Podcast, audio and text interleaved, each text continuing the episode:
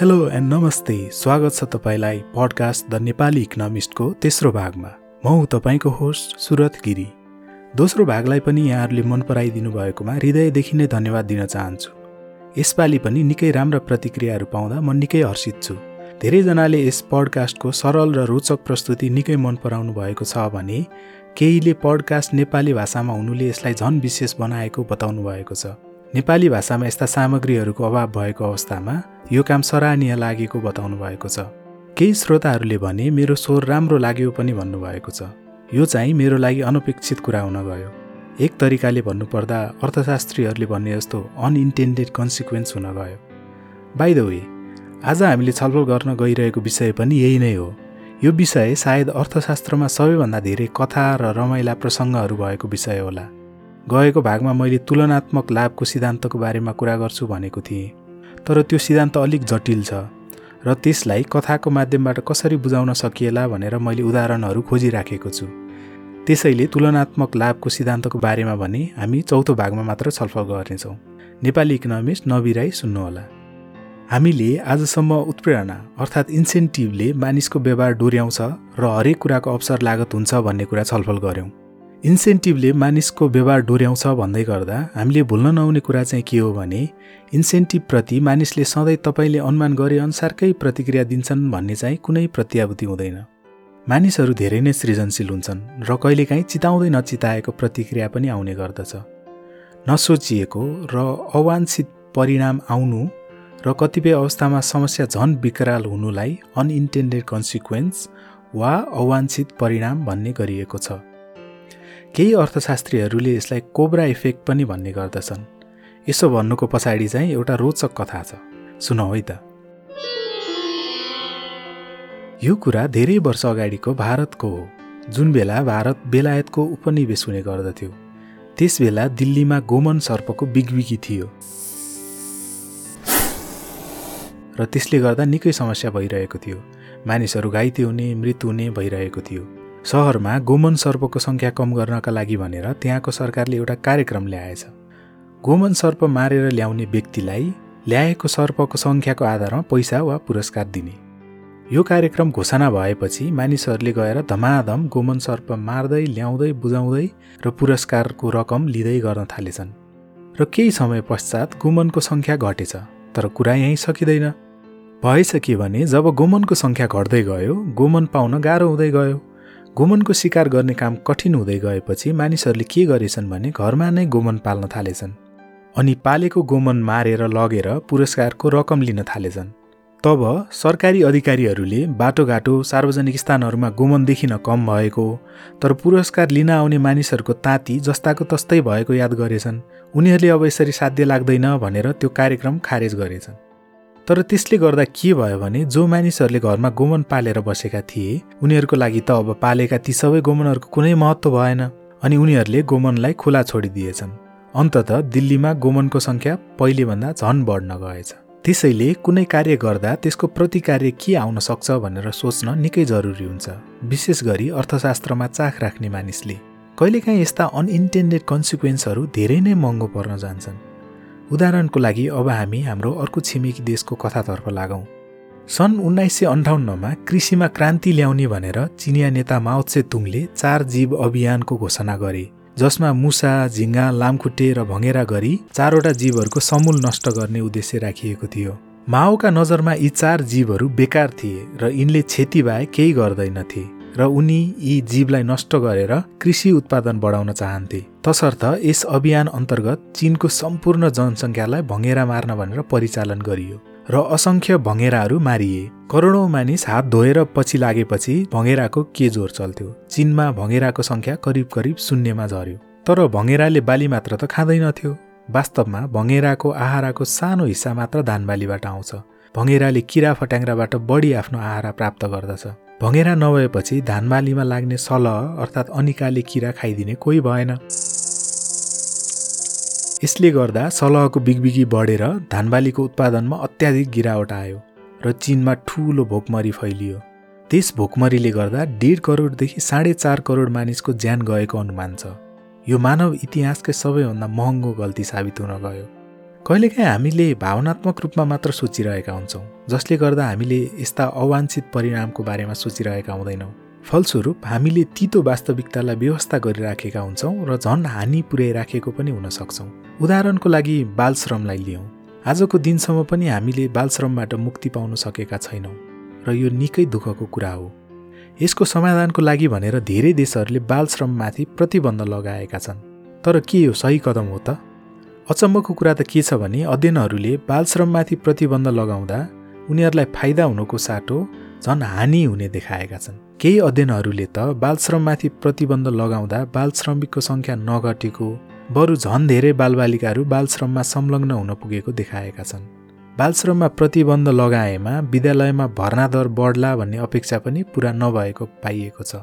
तर कसरी भन्ने प्रश्न तपाईँको मनमा उब्जिरहेको होला? यसका विभिन्न कारणहरू छन्। पहिलो त बालबालिकाहरू गरिबीको बाध्यताले गर्दा बालश्रममा लाग्न बाध्य भइरहेका हुन्छन् र जबसम्म उनीहरूका बाबुआमा वा परिवार गरिबीबाट मुक्त हुँदैनन् बालबालिकाहरू बालश्रममा लाग्न बाध्य भइरहने अवस्था हुन्छ। चाहे जस्तो सुकै कानुन किन नआओस्। परिवार नै बालश्रमबाट हुने आयमा निर्भर रहने अवस्थामा त बालश्रम गर्नुको विकल्प झन् खराब पनि हुनसक्छ बालश्रममा प्रतिबन्ध लागेपछि आय आर्जनको अभावले गर्दा उनीहरू झन् भोकमरी वा कुपोषणको शिकार हुनुपर्ने अवस्था हुनसक्छ भारतमा त बालश्रममा प्रतिबन्ध लगाएपछि धेरै बालबालिकाहरू सडक बालबालिका हुन पुगेको र बालिकाहरू यौन पेसा अँगाल्न बाध्य भएको देखिएको थियो। त्यसै गरी कुनै स्थानमा बालश्रममाथि प्रतिबन्ध लगाइएको छ तर त्यो कडाइका साथ लागू गरिएको छैन भने त्यहाँ अब के हुने भयो भने बाल श्रमिकलाई भर्ती गर्दा जोखिम बढ्ने भयो भोलि समातियो भने त जरिवाना तिर्नुपर्छ भन्ने डर हुने भयो काममा लगाउने मानिसलाई। यसले गर्दा काममा लगाउने मानिसले अब झनै कम ज्याला दिने भयो। उसले बोक्नुपर्ने जोखिमको क्षतिपूर्ति स्वरूप ज्याला कम भएपछि गरिब परिवारहरू आफ्नो जीविका चलाउनका लागि अरू छोराछोरीलाई पनि बालश्रममा लगाउन बाध्य हुने भए। यसले गर्दा झन् धेरै बालबालिकाहरू बाल श्रमिक बन्न बाध्य हुने भए। यी परिणामहरूले गर्दा अर्थशास्त्रीहरूले सिधै बाल श्रममाथि प्रतिबन्ध लगाउनुभन्दा निकृष्ट प्रकारका बालश्रममाथि मात्र प्रतिबन्ध लगाएर अन्य प्रकारका बालश्रमका लागि भने अरू नै नीतिगत विकल्पहरू खोज्दा बढी प्रभावकारी हुने सुझाव दिएका छन्। तपाईँलाई यस विषयमा थप जान्न मन छ भने तपाईँले चर्चित भारतीय अर्थशास्त्री कौशिक बसु अमेरिकी अर्थशास्त्री प्रशान्त भारद्वाज तथा हाल एमआइटी विश्वविद्यालयमा रहेका नेपाली अर्थशास्त्री महेश्वर श्रेष्ठका लेख तथा शोधपत्रहरू अध्ययन गर्न सक्नुहुन्छ। त्यसै गरी बेलायती मानवशास्त्री डोट थोर्सेनले गरेका अध्ययनहरू पनि हेर्न सक्नुहुन्छ। यी केही लेख तथा अध्ययनहरूको लिङ्क मैले पडकास्टको विवरणमा राखेको हुनेछु। तपाईँले त्यहाँ पनि हेर्न सक्नुहुनेछ। यी अवाञ्छित परिणामहरू सधैँ स्पष्ट नदेखिन पनि सक्छन्। जस्तै संयुक्त अधिराज्य अमेरिकाको यो उदाहरणलाई लियौँ। अमेरिका लगायत धेरै देशहरूमा सवारी साधन चलाउँदा अनिवार्य सिट पेटी लगाउनु पर्ने कानुन छ। गाडी चालकहरूको ज्यान बचाउनमा यो कानुन कतिको प्रभावकारी होला त? अवश्य नै सिट पेटी लगाएमा दुर्घटनामा ज्यानै जाने सम्भावना त कम हुन्छ। तसर्थ यो कानुन आएपछि समग्रमा दुर्घटनामा कम मानिसहरूको ज्यान जानुपर्ने हो। तर कुरा यत्तिको सोझो छैन। यसको अर्को पाटो के हो भने सिट पेटी लगाएपछि चालकहरू तुलनात्मक रूपमा बढी लापरवाही गर्ने पनि गर्दछन्। यसै कौतूहलतालाई लिएर युनिभर्सिटी अफ सिकागोका अर्थशास्त्री स्याम पेल्जम्यानले दुर्घटना सम्बन्धी तथ्याङ्कको अध्ययन गरिहेरेका थिए। उनले सिट पेटी सम्बन्धी कानुन आउनु अघि र आएपछिको तथ्याङ्कलाई तुलना तथा संश्लेषण गरिहेरेका थिए। उनको अध्ययनले निकै रोचक निष्कर्ष निकालिएको थियो। त्यो के भने सिटपेटीको कानुन आएपछि प्रत्येक दुर्घटनामा मर्ने मानिसको सङ्ख्यामा त कमी आयो तर दुर्घटनाको सङ्ख्या भने बढ्यो जसले गर्दा दुर्घटनामा मृत्यु हुने मानिसको समग्र सङ्ख्या पहिलेको सरह नै रह्यो। अर्थात् सिटपेटीले चालकहरूलाई सुरक्षित त बनायो तर सुरक्षाको कारणले गर्दा चालकहरू बढी लापरवाह हुन पुगे र पहिलेभन्दा दुर्घटनाको सङ्ख्या बढ्न गयो। यो किस्साको चर्चा अर्थशास्त्री स्टिभन ल्यान्सबर्गको चर्चित पुस्तक दि आर्मचेयर इकोनोमिस्टमा पनि गरिएको छ। उक्त पुस्तक निकै रमाइलो छ पढ्नलाई सिफारिस गर्दछु। यस्तै अर्को घटना छ मेक्सिको राजधानी मेक्सिको सहरको जहाँ दुई करोडभन्दा बढी मानिसहरू बसोबास गर्दछन्। संसारका अन्य ठुला सहरहरू जस्तै त्यो सहरमा पनि वायु प्रदूषण अति उच्च थियो कारहरूले गर्दा। वायु प्रदूषण कम गर्ने भनेर त्यहाँको सरकारले सन् उन्नाइस सय अस्सीको दशकमा ओएनो सिर्कुला भन्ने कार्यक्रम ल्यायो। उक्त कार्यक्रम अन्तर्गत त्यहाँको सरकारले निश्चित नम्बर प्लेट भएका गाडीलाई निश्चित दिनमा चल्नबाट प्रतिबन्ध लगायो जस्तै नम्बर प्लेटमा अन्तिम अङ्क पाँच वा छ भएको सवारी साधनले सोमबार चल्न नपाउने। हाम्रोमा जोर बिजोर गरेको जस्तै तर लामो अवधिको लागि। त्यस कानुनको उद्देश्य सडकमा कम गाडी चलुन् र कम प्रदूषण होस् भन्ने थियो। तर भइदियो के भने केही व्यक्तिहरूले त कानुनले चिताए जस्तै निजी सवारी साधन छोडेर सार्वजनिक गाडी चढ्न थाले केहीले मिलेर कारपुल गर्न थाले तर अन्य व्यक्तिहरू भने ट्याक्सी चढ्न थाले जसले गर्दा ट्याक्सी प्रयोगको सङ्ख्या वात्तै बढ्यो। समस्या के भयो भने औसतमा एउटा कारले भन्दा एउटा ट्याक्सीले झन् धेरै प्रदूषण गर्दथ्यो किनभने ट्याक्सीहरू प्राय पुराना हुने र बेला बेलामा मर्मत सम्भार नगरिएको हुने हुन्थे। यो हामीले हाम्रोमा पनि देख्न सक्छौँ। तुलनात्मक रूपमा ट्याक्सीहरू पुराना र मेन्टेन नगरिएका हुनाले झन् बढी प्रदूषण गर्ने गर्दछन्। मेक्सिको सहरमा अर्को कुरा के भयो भने एक थरी मानिसहरूले भने फरक नम्बर प्लेट भएका पुराना गाडीहरू किन्न थाले ताकि उनीहरू सधैँ आफ्नै गाडी चढ्न पाउन्। तर उनीहरूले सकेसम्म पुरानो र सस्तो गाडी किने किनभने यो उनीहरूको दोस्रो गाडी थियो। फलस्वरूप पछि अध्ययन गर्दा मेक्सिको सहरमा कुल गाडीको सङ्ख्या बढेको र वायु प्रदूषण पनि झन बढेको पाइएको थियो। नेपालमा पनि यस्तै अवांछित परिणामले गर्दा हामीले धेरैजनाले निकै दुःख पाइरहेका छौँ। याद गर्नुभएको छ? हाम्रोमा ट्याक्सी भाडा छोइ नसक्नु हुनुको पछाडि सरकारको पनि हात रहेको छ।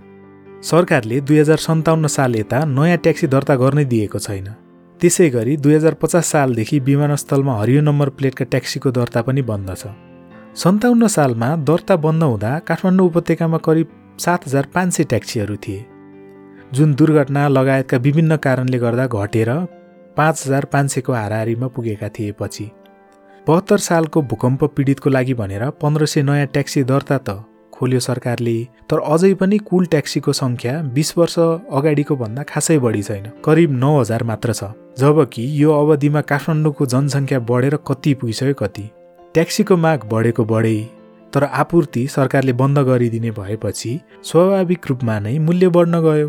नयाँ ट्याक्सी हाल्छु भन्ने व्यक्तिले बिस वर्षभन्दा पुरानो वा अन्य कुनै कारणले काम नलाग्ने भएको ट्याक्सीको नम्बर प्लेट किनेर नामसारी गर्नुपर्ने अवस्था छ। यसले गर्दा यस्तो अवस्था आएको छ कि ट्याक्सी किन्न दसदेखि बाह्र लाख खर्च गर्दा भएको नम्बर प्लेट किन्न अर्को छदेखि सात लाख खर्च गर्नुपर्ने अवस्था छ। अब त्यो बिना काम तिर्नु परेको अतिरिक्त छदेखि सात लाख उठाउनकै लागि पनि त ट्याक्सीको भाडा त महँगो हुने नै भयो नि होइन र? यसरी सरकारले नै कृत्रिम रूपमा ट्याक्सीको मूल्य बढाइदिएपछि ट्याक्सी किन महँगो नहोस् त? फेरि नयाँ आउन नदिएपछि पुरानो र असुरक्षित ट्याक्सी नै त चढ्नुपर्ने भयो नि हामीले। महँगो पैसा तिरेर होइन त? त्यसै गरी हाम्रोमा बेला बेलामा नयाँ निजी विद्यालय खुल्न दिनु हुँदैन भन्ने माग सुनिन्छ र धेरैजनाले होमा हो मिलाएको पनि देखिन्छ। शिक्षाको मोडल कस्तो हुने त्यो छुट्टै बहसको विषय होला।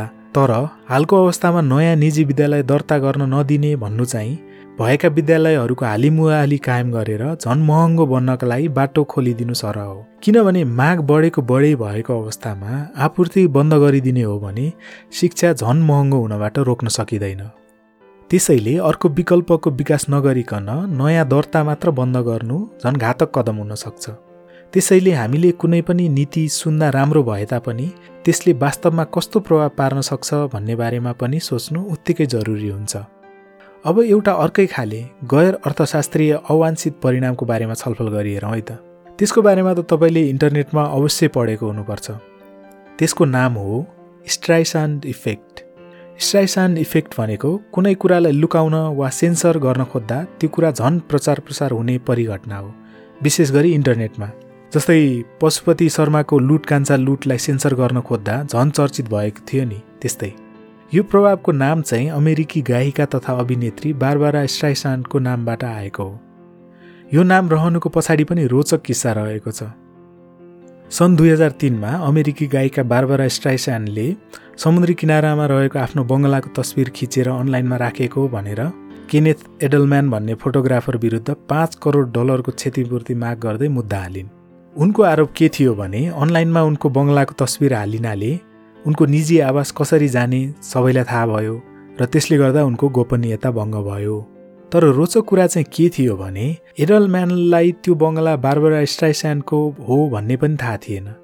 उनी त केवल क्यालिफोर्नियाको समुद्री किनाराको भूदृश्यको अभिलेख राख्नका लागि भनेर एरियल तस्विरहरू खिचेर आफ्नो वेबसाइटमा सङ्कलन गरिराखेका थिए। र ती तस्विरहरू वैज्ञानिक तथा अनुसन्धानकर्ताहरूले मात्र प्रयोग गर्नेवाला थिए। अनि जुन बेला बारबराले त्यो मुद्दा हालेकी थिइन् उनको घरको तस्विर जम्मा छचोटि मात्र डाउनलोड भएको थियो वेबसाइटबाट। त्यसमध्ये दुईवटा डाउनलोड त उनकै वकिलहरूले गरेका थिए। साँच्चै भन्नुपर्दा त्यस बेलासम्म त्यो तस्विरको बारेमा कसैलाई मतलब थिएन। तर जब बारबराले मुद्दा हालिन् पत्र पत्रिका टेलिभिजन च्यानल सबैले त्यसको बारेमा समाचार बनाउन थाले। अनि सर्वत्र त्यसको चर्चा भयो। अनि त सबै मानिसलाई के रहेछ कुरो भन्ने कौतूहल जाग्यो। मुद्दा हालेको एक महिनामा त उक्त तस्विर चार लाख बिस हजारभन्दा बढीले डाउनलोड गरिसकेका थिए र आजसम्म पनि उक्त तस्विर निकै चर्चित छ। बारबरा स्ट्राइसानले झन् लुकाउन खोज्दा उक्त तस्विर त झन् चर्चित र सर्वत्र फैलिने पो भयो। यदि बारबराले उक्त मुद्दा नहालेको भए र यदि नेकपाका कार्यकर्ताहरूले पशुपति शर्मालाई धम्क्याएर युट्युबबाट गीत हटाउन नलगाएका भए सायद आज हामी ती कुराहरूको चर्चा नै गरिराखेका हुने थिएनौँ। यति भन्दै अब आजको लागि बिट मार्नेतर्फ लागौँ। आशा छ तपाईँलाई आजको भाग पनि मन पर्यो होला। अबदेखि कुनै नीति वा कार्यक्रमको बारेमा सोच्दा त्यसले निम्त्याउन सक्ने अवाञ्छित परिणामको बारेमा पनि सोच्नुहुनेछ भन्ने मैले आशा लिएको छु। तपाईँलाई आज यस पडकास्टमा प्रस्तुत गरेका जस्तै कुनै उदाहरणहरू थाहा छन् भने मलाई लेखी पठाउनुहोला है। मलाई प्रतिक्रिया वा सन्देश पठाउनका लागि तपाईँले मलाई Nepali economist at Gmail dot कममा इमेल गर्न सक्नुहुन्छ वा फेसबुकमा सन्देश पनि पठाउन सक्नुहुन्छ। आजको भागमा मैले प्रयोग गरेका सन्दर्भ सामग्रीहरू अध्ययन गर्न मन छ तपाईँलाई भने ती सन्दर्भ सामग्रीहरूको लिङ्क मैले पडकास्टको विवरणमा राखेको हुनेछु त्यहाँ तपाईँले हेर्न सक्नुहुनेछ। ल त आजलाई यति नै। अर्को भागमा पनि म यस्तै अर्को रोचक सिद्धान्तको बारेमा छलफल गर्नेछु। तुलनात्मक लाभको सिद्धान्त भनेको के हो र यसले कुनै व्यक्ति तथा देशको अर्थतन्त्रलाई कसरी असर पारिराखेको हुन्छ भन्ने बारेमा चर्चा गर्नेछु। द नेपाली इकोनोमिस्ट सब्सक्राइब गर्न नभुल्नुहोला अनि साथीभाइहरूमा सेयर गर्न पनि नभुल्नुहोला है। र जाँदा जाँदै अर्थशास्त्री एलिनोर ओस्ट्रोमको यो भनाइ राख्दै म बिदा हुन्छु। जबसम्म बल प्रयोग गर्ने कुरामा एउटा केन्द्रको एकाधिकार कायम रहन्छ तबसम्म हामीसँग राज्य मात्र हुन्छ। स्वशासित समाज होइन।